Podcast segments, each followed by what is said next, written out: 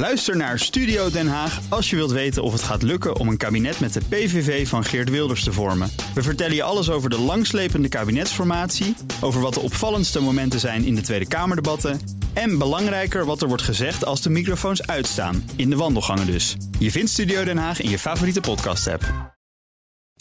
De column van Bernard Hammelburg. Ik zal het maar eerlijk bekennen, ik ben helemaal weg van Ri Chun-i.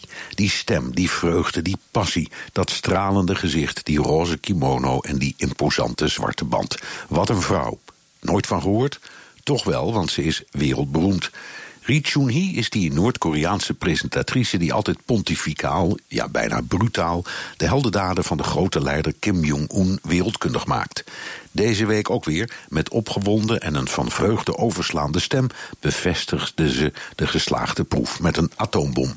Bij de zinsnede deze nucleaire kernkop kan worden geplaatst op een strategische ballistische raket, stond haar beroemde stralende glimlach weer op het gelaat. Met een blik die zei: Goed nieuws, kameraden, onze grote leider kan nu met één druk op de knop de wereld laten verdampen. Wat een heldin. 74 jaar is ze en ze meldt al 47 jaar de volgende stap op weg naar militaire hegemonie vanaf de periode van opa Kim Il-sung, de Noord-Koreaanse vader des vaderlands. Toen die overleed, stroomden de tranen haar voor de camera over de wangen. Van Kim Jong-un hoor je eigenlijk nooit iets. Geen idee hoe zijn stem klinkt. We zien hem op foto's of korte video's te midden van knipscherende en sidderende generaals. De enige communicatie verloopt via mijn heldin of een jongere kloon die nog harder gilt dat de victorie voor het grijpen ligt.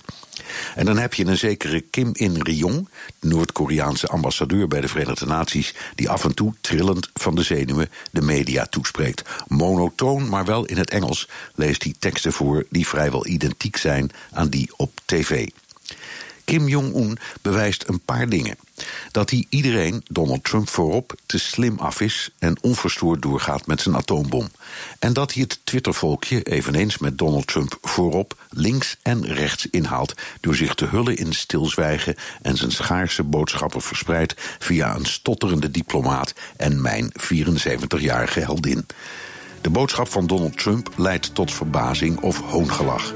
De boodschap van Kim slaat in als een bom. Dat is Bernard Hammelburg, onze buitenlandcommentator. Die kunt u eh, terugluisteren, zijn column, op onze website bnr.nl en in de BNR. Ook Thomas van Zeil vind je in de BNR-app. Je kunt live naar mij luisteren in Zaken doen. De BNR-app met breaking news, het laatste zakelijke nieuws... en je vindt er alle BNR-podcasts, bijvoorbeeld Het Nieuwe Geld. Download nu de gratis BNR-app en blijf scherp.